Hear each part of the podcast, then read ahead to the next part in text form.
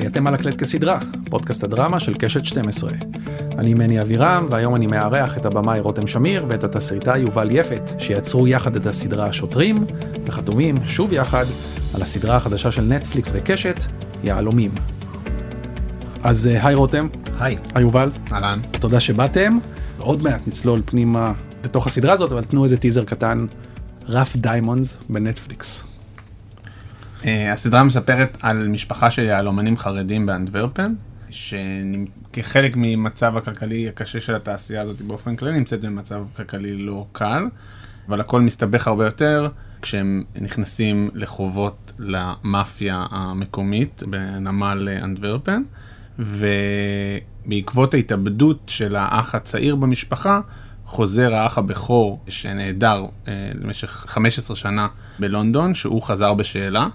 ועזב, ועכשיו הוא חוזר כביכול רק להלוויה, אבל משם הוא נשאר ומבין שהוא צריך יחד עם האחים שלו לנסות uh, להרים את העסק המשפחתי ובעצם את המשפחה בחזרה על הרגליים. אוקיי, okay, מעניין. כן, אנחנו ניסינו לעשות uh, מה שאנחנו קוראים לו הסנדק עם חרדים בעצם. אוקיי. Okay. סדרת פשע שנשענת מאוד מאוד חזק על החיים וההוואי של הקהילה הזאת באנטוורפן. זה מקום מאוד מאוד ייחודי, וצילמנו און לוקיישן בתוך המשרדים של היהלומנים, בתוך הבורסה של היהלומים, כי יש שם מין אה, עולם פנימי שזה, אני חושב, אחד הדברים הכי מעניינים בסדרות, זה שהן מצליחות פשוט לקחת מין עולם ולטוות בו את הסיפור שלהם בעולם שיש לו חוקים משלו, וזה המצב שם. זאת אומרת, אה, יובל ואני צללנו לתוך התחקיר, וגילינו המון המון דברים מאוד מעניינים, וניסינו כמיטב יכולתנו להיות סופר אה, נאמנים בסדרה. שוב, עם איזשהו שילוב של אלמנט של מתח ופשע, שנותן לה כל מין קיק כזה. אה, אני, ממה שראיתי, מאוד אהבתי. אני רוצה להתחיל במסלול שכל אחד מכם עבר בנפרד.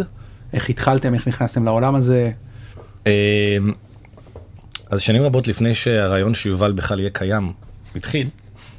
עד כדי כך שנים רבות? לא, לא נראה לי. לא, ההפרש בינינו זה שבע שנים, אבל אה, בתודעה זה... כן, בתודעה זה הילד והזקן. זה הזוגיות פה. למדתי קולנוע בתיכון, בתיכון לאמניות בירושלים, יחד עם ידידי עמרי גבעון, שהיה אה, שותפי לכיתה ואחר כך הפך להיות גם שותפי ליצירה, היינו חברים מאוד טובים לכל אורך הדרך. גרתי בניו יורק הרבה שנים אחרי הצבא, ושם אפשר להגיד זה היה higher education שלי, כאילו של קולנוע, לא הלכתי לאוניברסיטה ממש, אבל קניתי שם ציוד וצילמתי בכל מיני סרטים וזה, וזה בעצם היה בית ספר לקולנוע שלי ניו יורק. וכשחזרתי, אה, השתלבתי בתעשיית הפרומואים, עשיתי פרומואים בכל מקום במשך עשר שנים, ערכתי וגם ביימתי קצת, זה היה בתקופה שעוד היה פה תקציבים משוגעים למחלקות פרומו. אז היו ימי צילום כאלה, וזו הייתה הזדמנות לך להשתפשף כאילו קצת בבימוי, זה היה כמו מין פרסומות כאלה.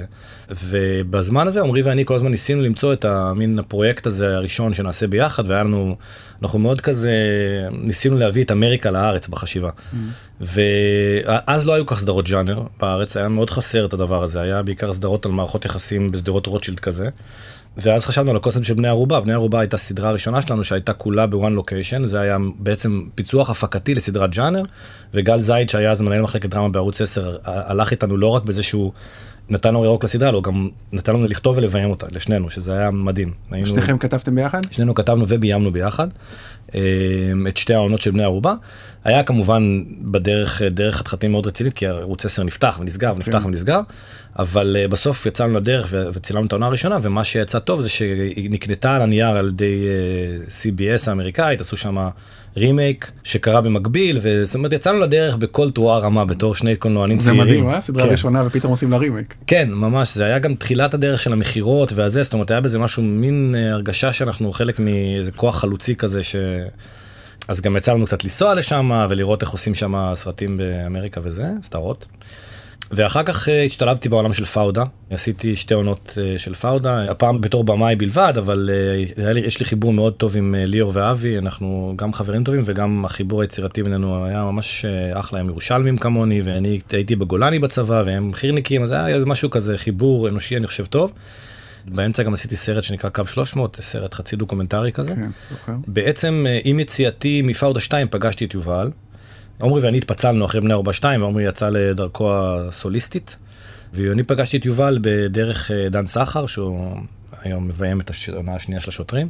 ובעצם השותפות שלי ושל יובל מאז הניבה את השוטרים כסדרה ראשונה שעשינו יחד, את הסדרה הזאת יהלומים, העונה השנייה של השוטרים שיוצאת עכשיו לדרך, ועוד כל מיני דברים שבפיתוח, אנחנו, יש לנו שותפות אה, בעיניי אופטימלית. עכשיו אני מביים סדרה במרוקו, עונה שנייה של סדרה שנקראת No Man's Land, על מלחמת האזרחים בסוריה, על הלוחמות הכורדיות YPJ, תופעה די מדהימה האמת. אה, ועוד היד נטויה, אני יודע. מדהים. זה, תודה. טוב, אה, אמרנו הילד והזקן, אז אני כבר אתקן אותך, אנחנו נפגשנו לפני פרדה, לא אחרי פרדה. בבקשה. יש מחיר לזקנה. אה, הגיל וה- והוויד. אז אה, התחלתי להתעניין בתסריטאות באופן ספציפי. אחר כך כמובן הייתי סטודנט לקולנוע כזה שרוצה להיות במאי וזה, אבל דווקא בדיעבד זה מעניין שהתחלתי מהמקום של התסריט וכזה בכיתה ז' קניתי את הספר של קובי ניב שהיה, של איך לכתוב תסריט וזה פתח לי את הראש. הייתי ילד אה, נער כזה שכותב סיפורים קצרים וזה. ואחרי לימודי קולנוע בספיר שגם היו ביחד עם דן, כתבתי סרט קצר שדן ביים, והסרט הזה הצליח מכל מיני פסטיבלים, זכה בלא מעט פרסים ומשך תשומת לב של אה, manager אמריקאי. ואז התחלנו מין חלום הוליוודי קצר נקרא לזה, שבתוכו פיתחנו שתי סדרות אמריקאיות שלא קרה איתן שום דבר, אבל זה בסופו של דבר בדיעבד היה הבית ספר שלי לתסריטאות, ולא אה, מה שעשינו במהלך הלימודים. כשאתה עובד מול אמריקאים אז אתה לומד איזשהו סטנדרט עבודה מסוים. אם אני אתחבר למה שרותם סיפר קודם, כשדן הביא אותי למפגש הזה עם רותם, בעצם הייתי כבר מוכן למזל הזה, שכאילו נוצר פה איזשהו מקרה, אבל בעצם הייתי מוכן לו ויכולתי כבר להראות דברים שעשיתי, ובגלל זה אני חושב שדי מהר קיבלנו את ההזדמנות להתחיל לפתח דברים ביחד, גם עם מפיקים, למרות שבעצם לא היה לי שום קרדיט בנקודה הזאת של שום דבר שהופק. ויחד עם זה שרותם נכנס לפאודה, אני נכנסתי גם לכתוב בפאודה, וארבעה פרקים שכתבתי בעונה שלישית של פאודה, זה בעצם היה ההתחלה של הקריירה שלי באמת מבחינת משהו שמופק, אפילו שכבר בשלב הזה כתבנו לא מעט מהדברים שאפילו אני חושב שהתחלנו לכתוב כבר את Rough Diamonds בתקופה הזאת, כי אני חושב שדיברתי על זה עם נוח. כן, אה, Rough. Diamonds נכתב לפני השוטרים? כן. הפיתוח, הפיתוח, לא כל העונה. ה Bible והפיילוט שעשה, הפיילוט עשה המון רעש בעולם, והוא נכתב בין העונות של פאודה 2 ופאודה 3 לפי דעתי. כן, זה נורא מעניין העניין הזה שהפיילוט וה Bible היו נורא נורא נורא אהובים וקיבלנו הרבה הרבה פידבק גם רותם אני זוכר נסע סתם לפגישות בארצות הברית ואנשים אמרו לו שהם קראו את זה. ואז היה איזה מין שנתיים כאלה שזה פשוט ישב ולא הצליח להתרומם אבל למזלנו יש בבניין הזה נשים עקשניות. עם passion ואתר דקל מקשת International הייתה מאוהבת בתסריט הזה ואמרה סדרה הזאת תקרה והיא הצליחה לגרום לזה לקרות. ממש כך. נראה זה כיף. אז באיזה שלב נכנס שוטרים? בין לבין זאת אומרת אחרי שכבר כתבנו את ה bible ואת הפיילוט של Rough Diamonds כן. כשסיימנו את פאודה 3, התחלנו לדבר על ממש לעשות את זה. קרני אני חושב שלחה לנו את הדוקו השאלה הייתה האם אתם חושבים שבסרט הדוקומנטרי הזה שמספר את הסיפור האמיתי האם אתם חושבים שיש פה סדרה. ולפעמים אני חושב שלוקח זמן לפצח משהו וזה אבל במקרה של השוטרים הפיצוח היה מהיר לשנינו מיד הבנו מה אפשר לעשות עם זה. ואיך אתם עובדים על דבר כזה ביחד? הרבה שעות ביחד אה, חופרים אחד לשני בראש אני חושב קודם כל לא? כן, אך בסופו של דבר החלוקה היא מאוד ברורה שיובל הוא התסריטאי ואני הבמאי. זאת אומרת, יש פה חלוקה ברורה בהבנה שלנו, את המקום שלנו בתהליך. אני לא התסריטאי של יובל, אני אין לי את היכולות שלו. אבל זה גם תהליך שלא קורה בדרך כלל ככה. כלומר, לפחות פה, במאי נכנס בשלבים יותר מאוחרים. נכון. איתכם, במאי, אתה בעצם כבר בשלבים הראשונים בתוך הפרויקט. כי השלב הפיתוח הראשוני, משלב הרעיון ממש הראשוני ועד שיוצאים לכתיבה, אנחנו עובדים ביחד. אנחנו ממש יושבים בחדר ואנחנו עושים חדר כותבים שהוא רק שנינו. ואנחנו מפתחים את המהלך העונתי של כל הפרקים, כולל להגיע לרמה שאנחנו בעצם יודעים כמעט מה קורה בכל פרק ברמה הכללית וזה. ואז יובל יוצא לדרך לכתיבות, בדרך כלל עם כותבים נוספים, לפתח את זה לרמת טריטמנט ואחר כך עובר משם לפרקים, וגם אני מנסה, כמיטב יכולתי לעשות oversee על הפרויקט. בשלב הזה גם אני מביא איזה אובייקטיביות כאילו שעוזרת, כי כשיובל עמוק בתוך התהליך לפעמים צריך איזה, איזה מבט כן. מבחוץ, כן. אבל מהרגע הזה שזה יוצא לעולם הזה של כתיבה, החלוקה היא די ברורה. ואיך היה לעשות את העונה הראשונה של השוטרים? זה גם טיפה מפחיד, אני לא יודע, זה בסוף אתה מתעסק באנשים, היה לא, לא הם הזמינו את הסדרה. אני זוכר איזה פגישה אחת במשרדים של קודש הם דיברו על הדוקו ואני זוכר שהמפיקה יעל אמרה שהיא פחדה לשים את השם שלה על הדוקו אבל אז אחר כך כשיצא הדוקו בעצם ראו שלא היה שום אה, ניסיון חיסול. שום, שום תגובה שלילית נקרא לזה ככה. אני חושב שאנחנו בשלב מסוים הבנו תגיד לי אם אתה הרגשת אותו דבר שבסופו של דבר כולם אוהבים לראות את עצמם בטלוויזיה. ואכן התגובה של מיכאל מור הייתה על מי עשו סדרה על אל צ'אפו ועליי. הבנתי. והוא צודק אז אה, מהבחינה קיבלנו מכתב מעורך דין שאמר שאנחנו גונבים לו את הקניין הרוחני כי הוא רוצה לצאת כן. עם הסיפור הזה יום אחד לזה ואנחנו כמובן שאין אה, דברים בגו כי סיפור חדשותי נטו אבל אה, לא, זה זה רק הוכיח לנו שהוא מעוניין בסיפור הזה כאילו כמונו שזה משהו שמעניין אותו להתעסק איתו אז אבל צריך להגיד שבניגוד לפרויקטים אחרים זה לא סדרה שהיא באמת מבוססת על הסיפור האמיתי אנחנו לא סתם כותבים שזה בהשראת מכיוון שזה סיפור של מאור עזרא וזה לא סיפור של מאור עזרא ולא מיכאל מאור או אלון שרעבי ולא השוטרים האמיתיים שהיו לא רק בגלל שזה דברים של עורכי דין.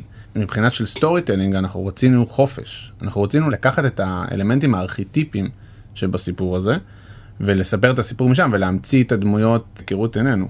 זה לא הנערים לדוגמה, כן. כן. שאתה רוצה להיצמד לכל פיפס בגלל שאתה מדבר פה על איזשהו סיפור שהוא מאוד מאוד חשוב ברמה הלאומית.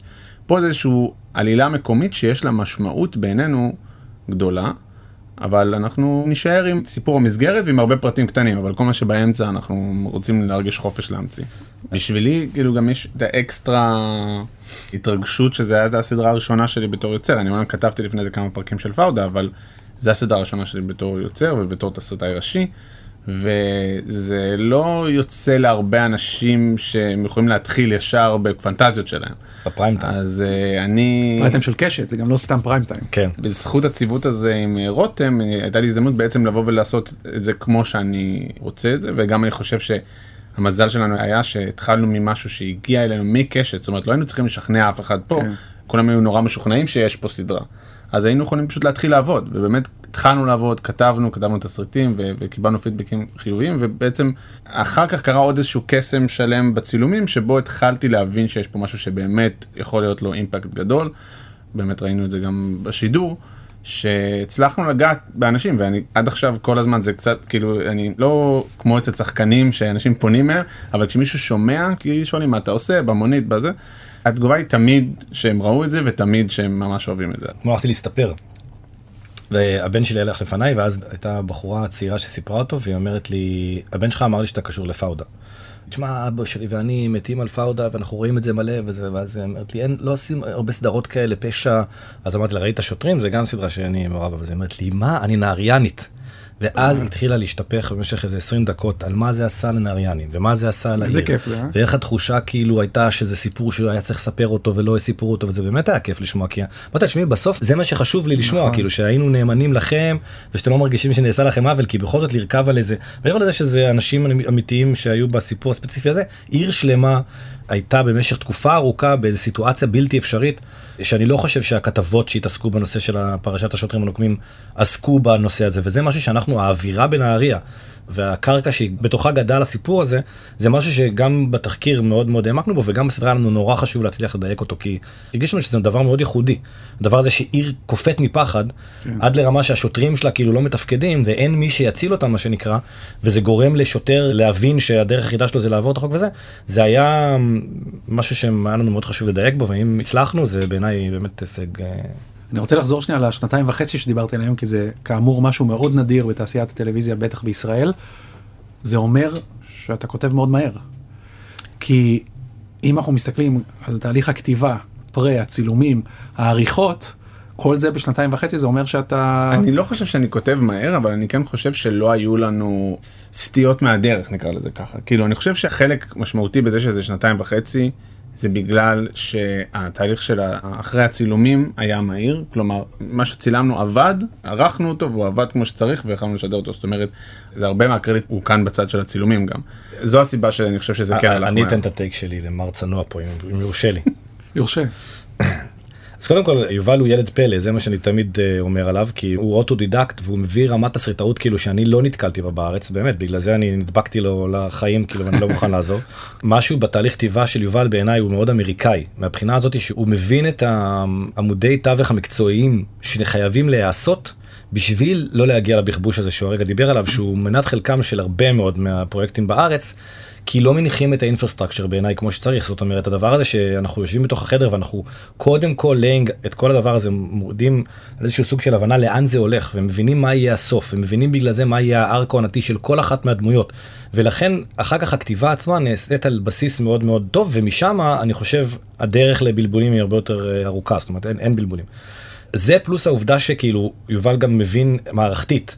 שהתפקיד של התסריטאי הוא להיות חלק ממערכת ולספק את הצרכים של המערכת הזאת, היא הפקתית, יש המון פידבק שמגיע ברגע שיוצאים להפקה, מ pre-production אה, מגיעים המון דברים, צריכים לקצץ, אני רוצה להגיד 30% מהכתיבה שלך, שזה דבר נורא קשה לתסריטאים לעשות, כי כל דבר מרגיש חשוב כמו הדבר השני, אבל לדעת את ההבדל הזה בין העיקר והטפל, זה שוב, זה משהו שיובל מביא באופן אינסטינקטיבי, ואני תמיד הייתי בפה פעור כזה, שאיך יכול להיות שהוא כבר יודע את זה כשהוא רק התחיל.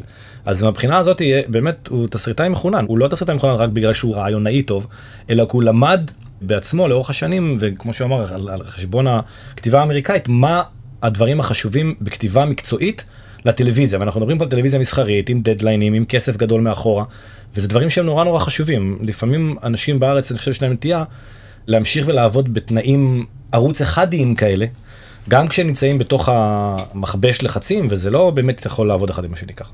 מה באמת התשתית הזאת שרותם מדבר עליה? מבחינתך כתסריטאי, מה מאפשר לך אחרי זה אה. לרוץ יחסית מהר, כי כבר שמת את היסודות? עיקר העניין הוא מבחינתי להבין שהתסריט, ממש הכתיבה של העמודי תסריט, זה הדבר הכי פחות חשוב בכל התהליך. זאת אומרת, זה השלב הקל, זה השלב שאתה מקבל עכשיו שבועיים לכתוב את התסריט, כי כבר עשית את כל העבודה. אני עושה תהליך מאוד אה, מתודי כזה של מפיצוח של אה, עונה, של איזשהו תקציר מסוים לפרק, ואז פיצוח הפרק, אנחנו עובדים בסטודיו עם white board וכותבים עם כרטיסיות ומזיזים, עד שיש לנו outline טוב, ומה outline עושים טריטמנט טוב, והטריטמנט הזה מקבלים את כל הפידבק. הטריטמנט זה נגיד מסמך של עשרה עמודים שכל סצנה היא פסקה בערך, ואחרי שעשינו את כל התהליך של הפידבק על הטריטמנט, אם הטריטמנט כבר הוא בשלב שאנחנו מבינים איך הפרק הזה צריך להיראות, אז עכשיו להפוך אותו לתסריט זה החלק הקל, ואז מתחיל עוד פעם החלק הקשה, שזה השכתובים. וגם בשכתובים פשוט רשימות אינסופיות כאלה של דברים מאוד מאוד ספציפיים שצריך עכשיו לתקן. אה, ומין לופ כזה של אה, שכתובים שעושים על הפרקים. זה מעניין ממש, כי סתם כמתמודד מהצד או כמקשיב מהצד, אתה עובד באיזה מתודה מאוד שכלתנית, האם זה בא על חשבון רגש? אה, כן, אני מכיר את התהייה הזאתי, אני חשבתי שזו תהייה המקורית שלי, אבל לא, סבבה. בעיניי זה, הדבר הזה מאפשר את המקום היצירתי והרגשי בעצם, כי אתה לא צריך להתעסק בלחשוש שאולי אתה מאבד את הדרך. בעצם ברגע שאתה מפצח את הפרק למשהו שאנחנו חושבים שהוא מרגיש נכון, ואז יש לך איזשהו חופש לפעול בתוך אותה מסגרת ולכתוב את הסצנות הכי חזקות ונכונות. בואו, מה שנקרא, בואו נקרא לילד בשמו, תסריטאות, זה לא פרוזה. תסריטאות זה כתיבה טכנית במקור שלה. קודם כל צריך להצליח שהסיפור יעבוד על הנייר והוא מורכב מ-so and so פיתולים עלילתיים, so and so התפתחות של דמות, so and so ארק עונתי וכן הלאה. ואז אני חושב שהרגש לתוך הסצנה הוא יצוק בדיאלוגים ומן הסתם גם בפרפורמנס של שחקנים וכן הלאה. אבל תסריטאות היא כתיבה יחסית טכנית במהותה, באופן יחסי ל... לא יודע מה, לשירה או לפרוזה או זה, זה קצת uh, משהו שהוא... חלק מהמקצוע אני חושב הטכניות הזאת. אני חושב שאם אתה יודע לאן אתה הולך יש נגיד אנשים שאפילו בתסריטים מתחילים את הפרק שהם כותבים אותו שהם לא כל כך יודעים מה הם הולכים לעשות וזה מין אלתור כזה ואז הם אולי ימצאו את זה אחר כך בשכתובים. אבל בשבילי אם יש לי טריטמנט ואני יודע לאן אני הולך אני יודע מה יהיו הארבעה ביטים הבאים בסיפור הזה אני מרגיש את החופש הכי גדול לעשות מה שאני רוצה ב beat הזה כל עוד אני הגעתי לעשות את מה שהוא צריך לעשות. ואז לפניי הדרך כבר פרוסה, אני לא צריך עכשיו לנסות לחשוב איך אני גם כותב את הסצנה הכי טובה וגם מנסה לנחש מה יהיה המשך הסיפור. ולך כבמאי, אני יכול לראות את היתרון הגדול בעבודה הזאת. כלומר, זה מאפשר לך באמת לראות את הדבר. אני, אני חושב שאני לובש את הכובע של הבמאי יחסית מאוחר בתהליך. אני משתדל להישאר עדיין בתור השותף של יובל לכתיבה, או יוצר של הסדרה, או מה שזה לא יהיה, עד שאני ממש כאילו ערב היציאה ל pre-production כזה. כי בעיקר בארץ, זאת אומרת עכשיו שהתנסינו קצת בחו"ל, אז אני יכול להגיד שבעיקר בארץ, הבימוי פה בארץ הוא בעצם מין cluster fuck מתמשך כזה, אתה בעיקר עסוק בפתרון משברים. זה לא שיש פה איזה תעופה על החזון הוויזואלי שלך עכשיו, אתה יכול להרשות לעצמך to dwell כאילו בתוך העולמות של הזה, אלא זה יותר מין כאילו איך אנחנו עכשיו לוקחים שני ליטר ודוחפים לתוך ליטר וחצי, ואז כל מה שנשפך החוצה, בוא נוודא שזה לא דברים קריטיים לסיפור, ואני גם מרגיש שטלוויזיה זה באמת פורמט שהוא הרבה יותר story oriented מאשר קולנוע מהבחינה הזאת שהסיפור הוא המלך הבלתי מעורער של הטלוויזיה.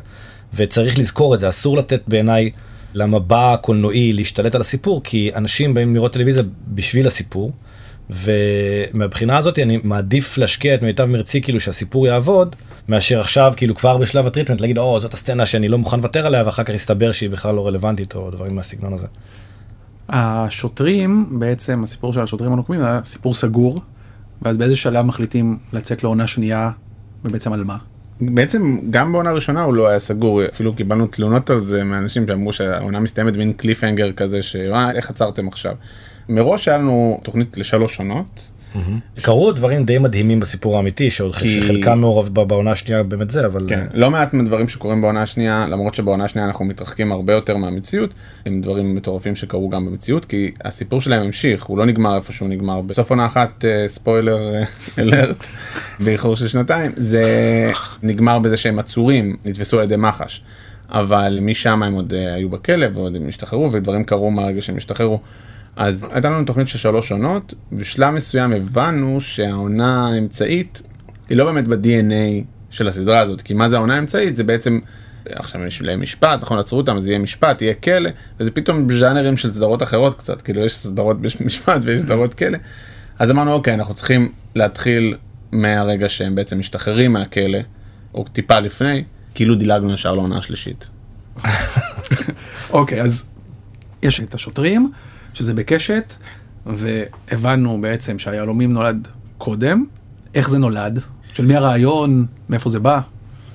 אה, קרני זיו התקשרה אליי אחרי שהיא פגשה מפיק בלגי בכנס ושאלה אותי אם היה מעניין אותי לעשות סדרה על העולם הזה של יהלומנים חרדים. ואז נכנסתי וקראתי קצת על העולם ובגלל שכמו שיובל תיאר את זה יש שם איזה מין falling empire atmosphere כזה בעולם של הזה והכתבות שאתה קורא מיד כשאתה נכנס כאילו להתחיל לחפש הם, הם על זה. אז מיד אמרתי לה כן זה מאוד מעניין אותי והמצאתי מין סיפור בסיסי כזה שזה הדבר הזה של האח שחוזר ומוצא את המשפחה בזה ובשלב הזה כבר אה, זה ממש מתי שהכרתי את יובל אמרתי להם אני מכניס את יובל ככותב ומשם זה התפתח מאוד מהר לפיילוט והבייבל שהם בבסיס שלהם זה עדיין אותו סיפור אבל אה, אני חושב שמה שיובל הצליח לעשות זה מין להפוך את זה לבעצם אה, שוב הפיילוט כמו שהוא היה כתוב, הוא הסתובב בארצות הברית הרבה שנים, בכל מיני מקומות HBO וכן הלאה, הוא ממש עשה רעש. זאת אומרת, ממש יכולת לשמוע אנשים כזה מין מתלהבים מהדבר, כי הוא הצליח, אני חושב שזה פשוט היה ה voice של יובל, זאת אומרת, שנשמע לראשונה בקול תרועה רמה, ואז כבר היה לנו משהו חזק מאוד בעד, כי זה באמת, עם כל הכבוד לרעיונות יש הרבה, אבל execution זה כבר דבר יחסית נדיר. ומראש אבל הייתה מחשבה שזה לא סדרה לישראל מראש זה סדרה עם פנים החוצה יש גם אה, בורסה ברמת גן בורסת נכון. ברמת גן. ברעיון המקורי שלי היה קשר ישראלי כי זה מה שהם ביקשו. כן. הם אמרו בוא נראה איך אנחנו יכולים לעשות את הסדרה הזאת של קו-פרודוקציה בלגיה ישראל ולקשר את שתי הבורסיות באמת. זאת אומרת זה התחיל מזה שהסיבה שהבחור הזה חוזר חזרה לבלגיה זה כי הוא פוגש את אחותו בארץ בטעות. אוקיי. ואגב קיבלנו המון הצעות להוציא את זה החוצה מאנטוורפן. רוב היהלומים square mile. square mile זה, בדיוק הגודל שלו כן זה מייל רבוע של אה, יש שם 1600 חברות שסוחרות ביהלומים בתוך קילומטר רבוע מעפן כזה ואנחנו ממש התעקשנו ששם זה יהיה כי ברגע שאתה נוסע לשם אתה קולט את האיכות של המקום כל אחד מדבר בין 5 ל-6 שפות אה, יידיש פלמית אנגלית אה, גרמנית צרפתית אה, עברית צחה. ואמרנו טוב זה עולם שאי אפשר בעצם לפזול ימינה ושמאלה וכמובן שיהלומים כמוצר סקסי בכל הפיצ'ים שלנו מזה אמרו אה אוקיי אז אולי שמישהו ישתלשל מהתקרה כמו בטופקאפי ויגנוב את זה אולי ניקח את זה ל Blood Diamonds כאילו באפריקה אולי קאטו אנחנו בניו יורק ובמכירה ב... ואנחנו כל הזמן לא לא אז אתם לא מבינים את המהות זה. והיה באמת קשה מבחינתי להדוף כאילו את כל הניסיונות להפוך את הסדרה הזאת למשהו אחר כי הרגשנו שהאותנטיות פה היא פשוט הסיבה היחידה לעשות את הסדרה הזאת. בלעדיה אין בעצם סיבה כי סדרות על יהלומים ושודים וזה נראה לי יש מספיק אבל על העולם הזה אה, פשוט עוד לא עשו. אז זה מסתובב ואז הבלגים קודם לוקחים את זה או נטפליקס או נטפליקס איך זה בעצם קודם כל שיתוף פעולה בלגי ישראלי כי יודעים שזאת תהיה סדרה בלגית כך או אחרת בגלל שהיא מתרחשת בבלגיה.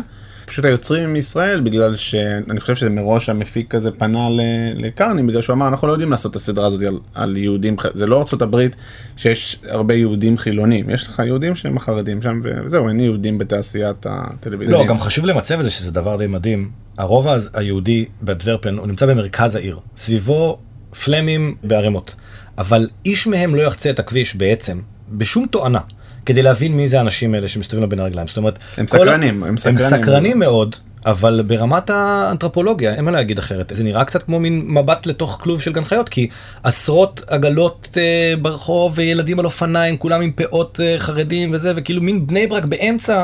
אנטוורפן, ואף אחד מה, מהבלגים לא ממש יודע מי זה האנשים האלה, ואז הם אומרים לעצמם, אוקיי, אנחנו, אנחנו נכתוב על זה סדרה, אין לנו מושג מאיפה להתחיל, איפה יש עוד יהודים? אה, בישראל, ופונים אלינו, זאת אומרת, זה היה מן ה... איפה יש יהודים שעושים טלוויזיה אז יש כן. להם שתי אפשרויות בערך, נכון. אז הם הלכו למשהו יותר קרוב אבל גם ברור באיזשהו מקום שזה יהיה בינלאומי אני חושב שלא היה ספק שהדבר הזה צריך ללכת בגלל זה זה גם הלך כמו שרותם אמר לי כזה לא היה ספק שזה צריך להיות מעורב בזה איזשהו אלמנט בינלאומי. ואחרי אני חושב שזה היה בערך שנתיים מהרגע שאנחנו התחלנו את התהליך הזה וכבר אפילו הרשינו לעצמנו לחשוב שאולי זה לעולם לא יקרה. אה, נטפליקס נכנסו לתמונה. הם לא היו צריכים הרבה שכנוע, זה באנגלית אתם כותבים בעברית זה מתורגם לאנגלית או מתורגם לפלמית? אנחנו לא? כותב באנגלית. אנחנו אתה כבר כותב באנגלית? כן, אני כותב את זה באנגלית ואז זה מתורגם מזה, שזה סיפור שלם בפני עצמו, לפלמית, לאנגלית, לצרפתית, תלוי בסצנה, ליידיש כמובן. הם קוראים את זה באנגלית, וההפקה בעצם מתנהלת באנגלית. יש ארבע שפות בסדרה, זאת אומרת שולטות בסדרה, זה לא שיש פה איזה משפט פה משפט שם. אנגלית יש הרבה, לא מעט צרפתית, יידיש יש הרבה. יידיש די הרבה וכל השאר בפלמית. אז כל הדבר הזה של לתרגם את התסריטים ואז להביא מישהו שהוא דובר השפה כדי לדייק כמובן את התרגום, ה-Lost in Translation זה משהו שאנחנו לומדים את עומק הבעיה שלו עכשיו רק, זאת אומרת, אני אתן לך דוגמה מטורפת שרק עכשיו לאחרונה נפל לנו האסימון, כן? יובל כתב באנגלית, תרגמנו את זה לפלמית. השחקנים דיברו את זה בפלמית, ואז אנחנו רואים עכשיו את הרף-קאט של הפרק, כשיש לו תרגום מהפלמית לאנגלית, שמישהו אחר תרגם. ואז אנחנו יושבים ואנחנו רואים את התרגום לאנגלית, אנחנו רואים מה זה השטויות האלה, זה בכלל לא מה שאנחנו כתבנו. ואז אנחנו מתאמצים נורא, יובל מתאמץ נורא כאילו שהתרגום יהיה אחד לאחד. לפני זה הוא, הוא מוודא עם מי שלא מדבר בפלמית, רגע, מה הוא באמת אומר? הוא אומר את זה, מה שכתוב בתרגום האנגלית, או שהוא אומר את זה, מה שכתוב בתסריט. וכשהוא מוודא שבאמת מה שנאמר באסנס שלו יותר מה שיובל כתב, אז אנחנו משנים את התרגום כדי שיהיה קרוב לתסריט. ואז אנחנו אומרים לעצמנו, אחלה, מי שצריך לראות את הרב-קאט ראה אותו עם התרגום הנכון, אבל מה יהיה כשזה יצא החוצה? עכשיו נטפליקס יקבלו את הסדרה, מי יודע מי מתרגם אותה עכשיו לכל השפות? זאת אומרת, פתאום המחשבה שלך זה שאחרי ששחררת את הדבר, והוא מתורגם עכשיו למאה שפות ודיבובים ועניינים, מי משגיח על תהליך התרגום? מן הסתם אף אחד. ואנשים בבית עכשיו רואים את העבודה המאוד קשה שנעשתה במשך חמש שנים על לכתוב את הדיאלוגים וזה וזה וזה, רואים את זה באיזה מין חוסר אחריות, אין לך באמת יכולת לדעת. עכשיו שיצא משחקי הדיונון, אני זוכר שקראתי באיזשהו מקום על העולב של הדיאלוגים, כמה שהדיאלוגים הם זה, אבל כנראה שזה הכל התרגום הגרוע של כן. הסדרה, ויכול מאוד להיות שהסדרה הרבה יותר כאילו מתוחכמת ועמוקה מאיך שאתה חווית אותה, יש בזה משהו מאוד מתסכל כאילו. מבחינת כשאני אראה את זה. בארץ מתורגם לעברית, אתה כותב על עולם שהוא חרדים בבלגיה, שמדברים את כל השפות האלה, ואתה בעצם קצת בראש, ממציא עולם, לא ממציא, הוא קיים, אבל אתה ממציא סיפור. איך אתה יודע שאתה לא כותב שטויות, או שזה נאמן, או שלא יראו את זה בלגים ויגידו, מה... ריסרצ' ריסרצ'. ריסרצ' ריסרצ' ריסרצ'. זאת בעצם נקודת המוצא של כל הדבר הזה, כאילו, אה, תמיד הרעיון הוא להציף את עצמך כמה שיותר בתחקיר לאורך זמן, כדי שתוכל לכתוב בצורה חופשית, ולא כל משפט אה, אתה תתלבט האם אתה יכול לכתוב אותו או לא. במקרה הזה, אם אני לא טועה, רותם, זה היה משהו כמו שבועיים מהרגע שדיברנו, עד שאני כבר טסתי לאנדוורפן. זאת אומרת, זה היה כזה, אוקיי, יש את הרעיון הזה, לרותם כבר היה בעצם את כל ה-DNA של הסדרה. ואני אז גם ממש, אה, הייתה איזה כתבה בדה מרקר על הבורסה בישראל, הסיפור שהיה שם, ונדלקתי על הרעיון הזה גם, ואז פשוט נסעתי לשם לכמה ימים, הסתובבתי עם המפיק הבלגי הזה, זה שיזם את הפרויקט, וישר לתוך העניינים לפגוש אנשים מהקהילה, לפגוש אנשים מהבורסה, ואותו תהליך, אבל בגדול יותר, קרה ברגע שקיבלנו את האור הירוק, זה היה קצת לפני הקורונה, טסנו בלי מסכות, רותם ואני לבלגיה, ועשינו עוד שבוע כזה שבו עשינו המון המון, יצרנו המון המון קשרים, כי בעצם יש גבול למה שאתה יכול ללמוד מלהיות שם. אנחנו מילינו את הלו"ז שלנו שם ולמדנו הרבה. אגב, הרבה דברים שנאמרו לנו שם נכנסו לתוך הדיאלוגים אה, בתסריט. יש מישהו שפגשנו במסעדה יהודית שם שעבד שם, דיבר, ממש אפשר לראות את מה שהוא אומר לי ב, במילים של הדמות אה, של סמי בפרק הראשון. אבל הדבר החשוב היה הקשרים שיצרתי שם ואחרי זה. ובעצם בתהליך הכתיבה וגם הצילומים ליוו אותי לא מעט אה, אה, יועצים שונים. זאת אומרת, יש גם אנשים שהם לא רצו אפילו להיות, הם לא עובדים בשביל ההפקה בעצם, הם כאילו עושים לי טובה, בגלל שהם לא רוצים שהשם שלהם יהיה כתוב על זה, בין אם הם יהלומנים ובין אם הם חרדים מהקהילה. ויש גם כאלה שהם עובדים אצלנו רשמית, זאת אומרת, יש לנו יועץ חרדי מהקהילה ומתרגם חרדי מהקהילה שהוא בעצם גם סוג של יועץ נוסף, ויש לנו יועצת מישראל שהגיעה גם נגיד צילמנו חתונה, אז uh, היא הגיעה לשם, ויש uh, יועץ uh, יהלומן שגם ברמה של עלילות, שאני מציג, מספר לו זאת העלילה שאני רוצה לעשות, ואז הוא אומר לי, לא, הוא היה מציע לו פה זה, ואז אני מבין שהמציאות אפילו יותר מלוכלכת מהדמיון שלי, ומכניסים את זה, וגם לרמה של פרופס, זאת אומרת, הייתי שולח לו תמונה של הפרופ יהלומי מהסט, כדי שהוא יגיד לי אם זה נראה כמו יהלומים טובים, ואומר, אה, לא, תשים את זה בשקית כזאת ולא אחרת. העבודה בצורה הזאת בשבילי היא מאוד uh, מספקת בגלל שאני לא צריך לחשוש שזה הכל עליי ואני עושה טעויות, אני יכול להישען על הרבה מאוד אנשים שיודעים הרבה הרבה יותר טוב ממני והם כולם נורא נורא נורא שמחים לדבר כי בעצם כל אחד מהם מתרגש שאתה מציג את, ה, את העולם שלו. וליהלומן הזה נורא נורא חשוב שהדברים יהיו בדיוק כמו שצריך ולמישהו מהקהילה שם נורא נורא חשוב שהכל יהיה בול בול בול וגם הם מדברים איתי על הקטנות של הקטנות בתרגום ליידיש. זה ממש כיף לעבוד ככה. אה, אומנם יצא שכאילו זה פודקאסט שאני מלקק ליובל, אבל אני שוב אומר זה לא משהו שאני חושב שכולם מבינים על הדבר הזה של רצינות תסריטאית זה משהו מאוד אמריקאי בעיניי. מדובר פה על ארבע עולמות שונים שזרים לנו לחלוטין. לצלול לתוך ארבע עולמות שונים בשביל לקבל איזה גושפנקה שמה שאתה כותב הוא באמת נכון עוד לפני שבכלל כתבת מילה אחת זה דבר מאוד uh, רציני אה, של תסריטאות מקצועית שאני חושב שיובל לוקח כמובן מאליו בגלל שהוא בן אדם רציני שמבין שזה מה שצריך לקרות אבל הלוואי ועוד תסריטאים יחשבו ככה שלפני שאתה בכלל מתחיל לחשוב קודם כל תלמד לעומק את מה שאתה הולך לעשות כי אני חושב שגם זה עוד סיבה למה אחר כך לא מתבחבשים בכתיבה בגלל שהדברים מונחים בצורה מאוד מאוד טובה על איזושהי אמת אחת כזאת. איך עובד תהליך הליהוק בסדרה כזאת? אה, היה לא קל כי זה היה מרחוק וזה היה בפלמית. והיה לנו מלהק מעולה. ואנחנו פשוט ישבנו בארץ וראינו מלא מלא אודישנים בפלמית. היה לנו יתרון גדול, אני חייב להגיד שזה היה מקרה מאוד מיוחד, שאתה לא מכיר אף אחד. אז מביאים לך שחקן ואתה לא יודע אם זה הכוכב הכי גדול בבלגיה או שזה מישהו כזה שמתעלמים ממנו וזה היה מאוד מאוד מעניין לראות את זה נקי והיו מקרים ויש גם מקרה של דמות אחת של דמות ראשית בסדרה שאנחנו מהאודישן הראשון הבנו שהוא פוגע בול ושאף אחד חוץ ממנו לא באמת מבין את הדמות הזאת. והם אמרו לנו כן הוא באמת כאילו יש לנו כוכבים כל כך הרבה יותר גדולים ממנו בוא אתם בוחרים כאילו. ואמרנו טוב אולי אנחנו לא מבינים המשיך תהליך האודישנים ואז הוא בא לעוד סבב של אודישנים. בשבילי ובשביל רותם זה היה כאילו ברור הבן אדם הוא פרפקט.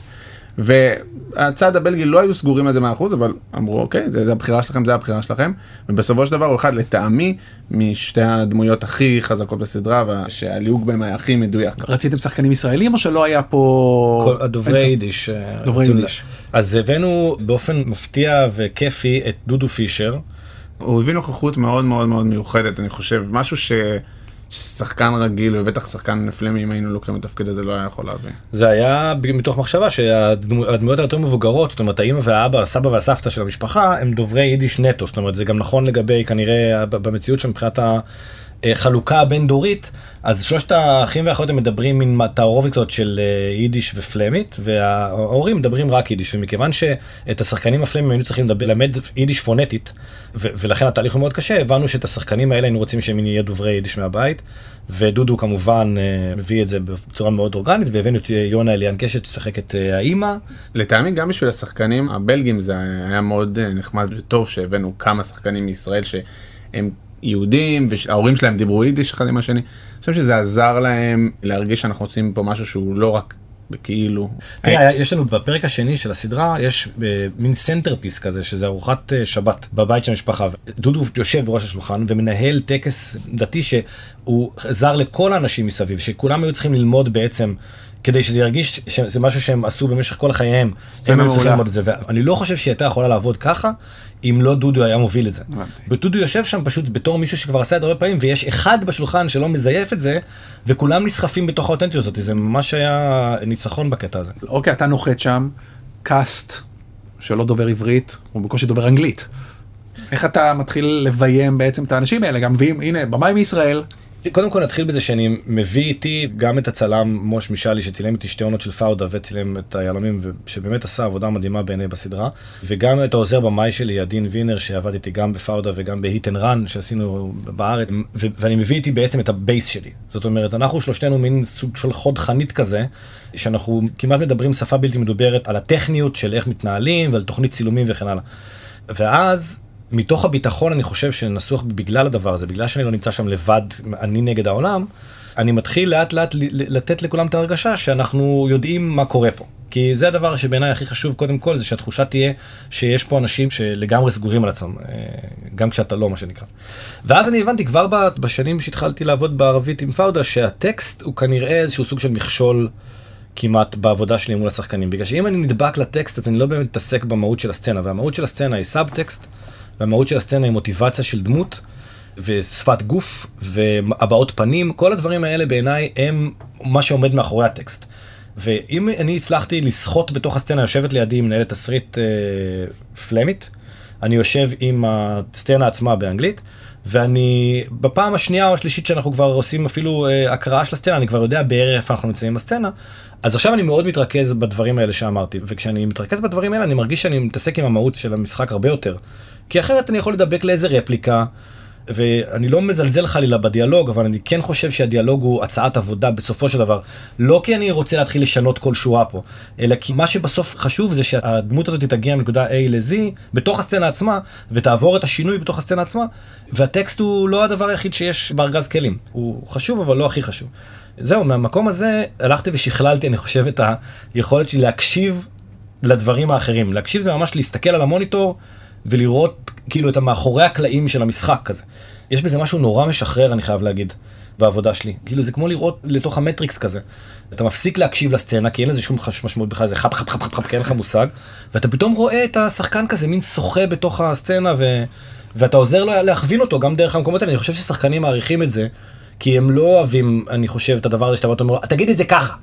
אתה לא אומר את זה נכון, תגיד את זה ככה, כי הם לא תוכים, הם אנשי מקצוע ויש להם, הקראפט שלהם הוא מאוד מורכב, הוא מורכב גם דברים אמוציונליים והם נמצאים באיזשהו state of mind וזה, ואם הם מקבלים הנחיה ממך שהיא יותר מגיעה מהעולמות האלה של הפנימיות ושל הסאבטקסט וזה, אני חושב שיש בזה הערכה הדדית ואני גם מאוד נהנה מהתהליך הזה. יפה. וזה נערך איפה? קודם כל לא העלינו לדעתנו שיש מישהו בישראל שידבר את השפות האלה שמדברים בסדרה. זאת אומרת, לא החלטנו בוא נחפש מישהו כזה. אמרנו, טוב, אני אסתכל על האורחים הכי טובים שאני מכיר בארץ. קודם כל בוא נראה אם הם עושים סדרות. אני מאוד אוהב את הסרטים של אה, שלומי ורונית אלקבץ. העורכת שלהם ג'ואל אלקסיס. אמרתי, בוא נראה מה קורה איתה. אז חיפשתי את השם שלה בגוגל, וגוגל כתב את הדבר הבא, ג'ואל אלקסיס, עורכת, נולדה באנדוורפן. כאילו באותו רגע אמרתי זה לא יכול להיות אז כתבתי לשלומי אלקבץ תגיד היא דוברת באמת את השפה כאילו אומר, נראה לי שכן היא גדלה שם. מתחילה התרגשות ואז יצרנו את הקשר. ולא רק שהיא דוברת פלמית היא דוברת גם יידיש גם פלמית וגם היא מהרחובות האלה ברמה. שהיא יכולה לצייר את הגיאוגרפיה של זה הרחובות ב-level שאנחנו שהיא. יושבת בזה והיא אומרת זה לא טוב כי שמאלה זה החנות. וואו. כאילו ממש היא גדלה ברחובות האלה ברובע היהודי מכירה את כל האנשים. זה אחד ה- היא פתאום אומרת אה זה כץ זה שחקן שזה אומרת הוא חבר של אבא שלי זאת אומרת זה מטורף היה בעניין הזה. זה אחד הניסים באמת של הסדרה הזאת שבילינו הרבה זמן אצלה בחדר העריכה שלה. כשצפיתי, ומה שצפיתי, זה בדיוק התלבש לכל העלייה עכשיו, אני חושב, בכל מה שקורה באנטישמיות. כן. זה, זה קפץ לי לראש, גם קניה וכל מה שקורה. זה עובר לכם בראש, שדווקא יכולים להשתמש בזה לאיזה, תראו את היהודונים האלה עם הכסף, עם היהלומים, עם זה. רק בהתחלה אני חושב, זאת אומרת זה קרה לך תוך כדי הצילומים גם? עוד פעם צילמנו בתוך הקהילה להזכירך ומבחינה הזאת אני מרגיש כאילו שהיינו צריכים כל הזמן לייצג משהו שהוא לא באמת שלנו. זאת אומרת, לבוא ובעצם לספר את הסיפור של האנשים האלה בלי שאני גרתי באנטוורפן בעצמי וכן הלאה. אז היו רגעים שיצאו עלינו מהבתים. אני מצאתי את עצמי, break for lunch, בבלחילה, שזה בעצם שדרה יהודית מאוד. נשארתי רגע מאחורה, כי התחילה התגודדות של נשים יהודיות כאילו סביב הסט. והם התחילו לצעוק בעברית, ומכיוון שאני דובר עברית בערך היחידי בשלב הזה, התחלתי לדבר איתם, להגיד בואו רגע שנייה אחת נבין מה מפריע לכם פה וזה, ואמרתם אתם לא יודעים על מה הסדרה, אתם לא באמת, אין לכם מושג מה אני מצלם פה, למה זה מכעיס אתכם כל כך, אז הם אמרו זה בכלל לא משנה. מה שאתה לא מצלם עכשיו ישתמשו בזה נגדנו. Mm. ברגע שאתה פותח להם איזשהו צוהר להסתכל על העולם שלנו, אתה בעצם עוזר לאנטישמים. עכשיו אתה כמובן שואל את עצמך אם יש דברים בגו, כי אתה לא רוצה להיות הבן אדם הזה כאילו שעושה נזק, בטח לעולם שאתה הולך ומעריך אותו ככל שאתה יותר עובד עליו, אתה הולך ומתאהב בדמויות שלו ובמחשבה מאחוריהם וזה. אבל אני כן חושב שלפחות ניסינו כמיטב יכולתנו להיות סופר רגישים לאיזה מין דמויות אנחנו מייצרים פה, כי זה לא שיילוקיות כזאת קלאסית, אנחנו לא עשינו פה מין דמויות גרידיות. הערכים של משפחה ומסורת ודת הם הרבה יותר חזקים בסדרה הזאת מאשר הכסף בסוף. זה מה שמניע את הדמויות האלה, זה לא שהם רוצים להתעשר ול, ולשלוט על העולם וכל מיני דברים כאלה. אני מקווה שאנשים יצליחו לראות דרך הניואנס הזה שהוא חשוב, ולא רק יראו מין אה, דוסים פלוס כסף שווה אנטישמיות.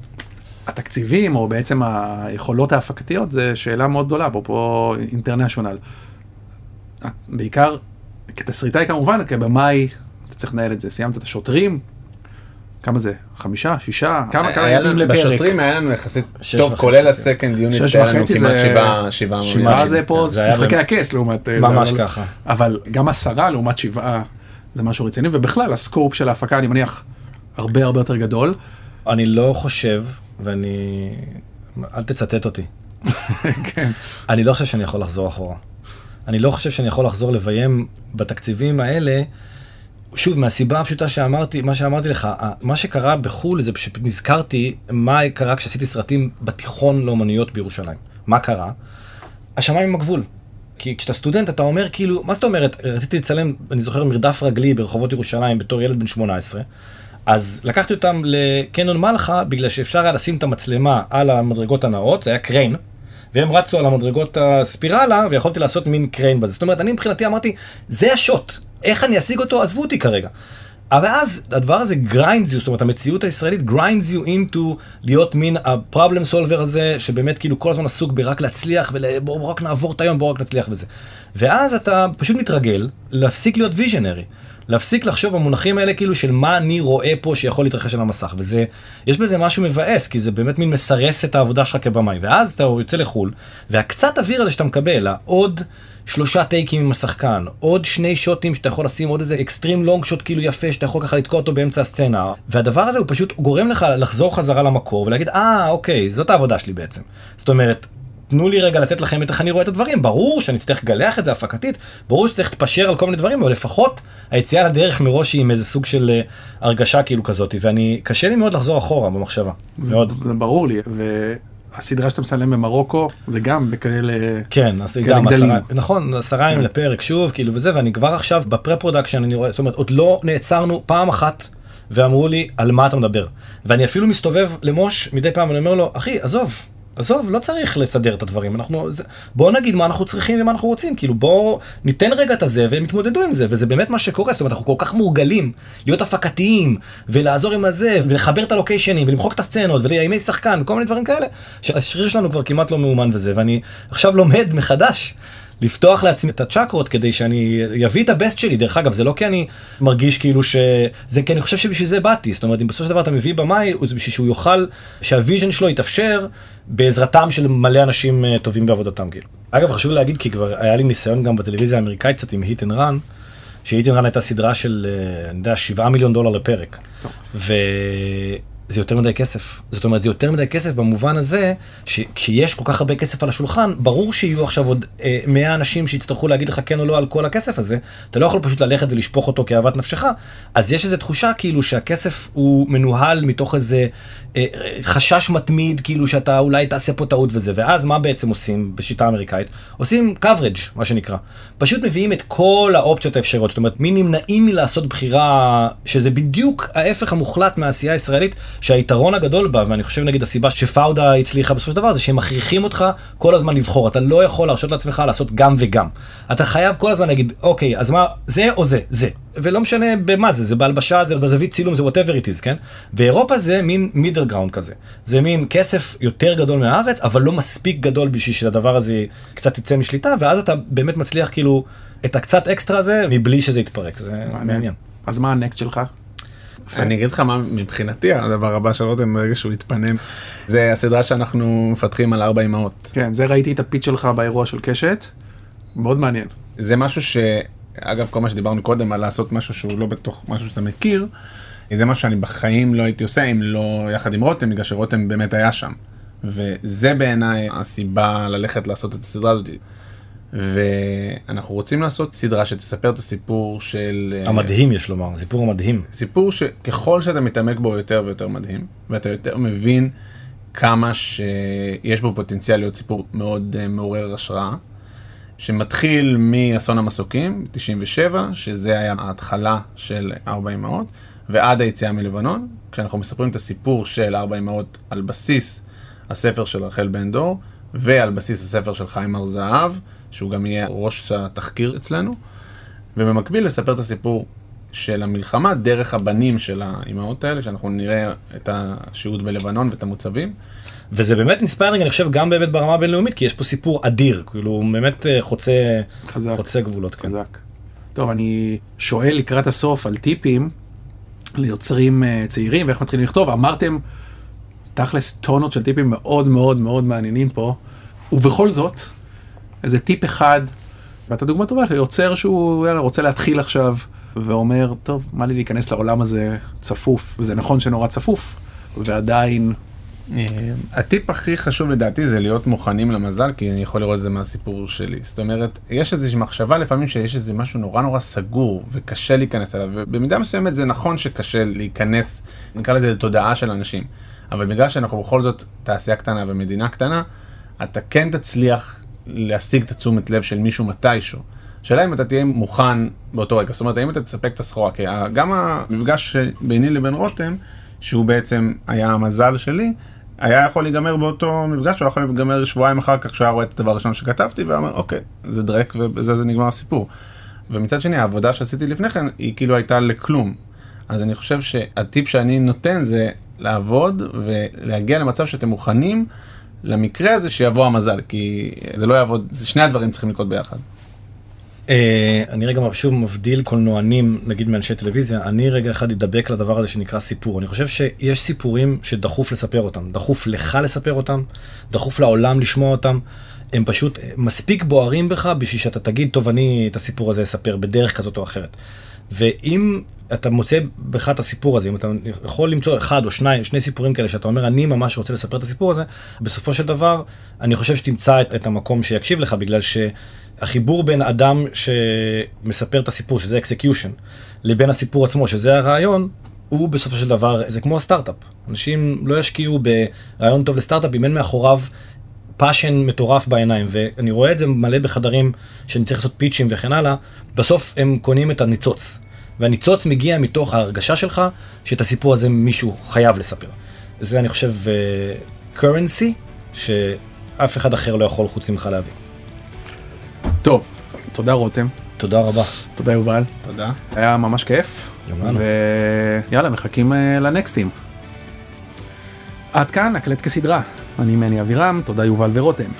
תודה גם לאפרת מירון העורכת שלנו ולנטע ספילמן המפיקה. תודה לענת לנדה על הסיוע הטכני.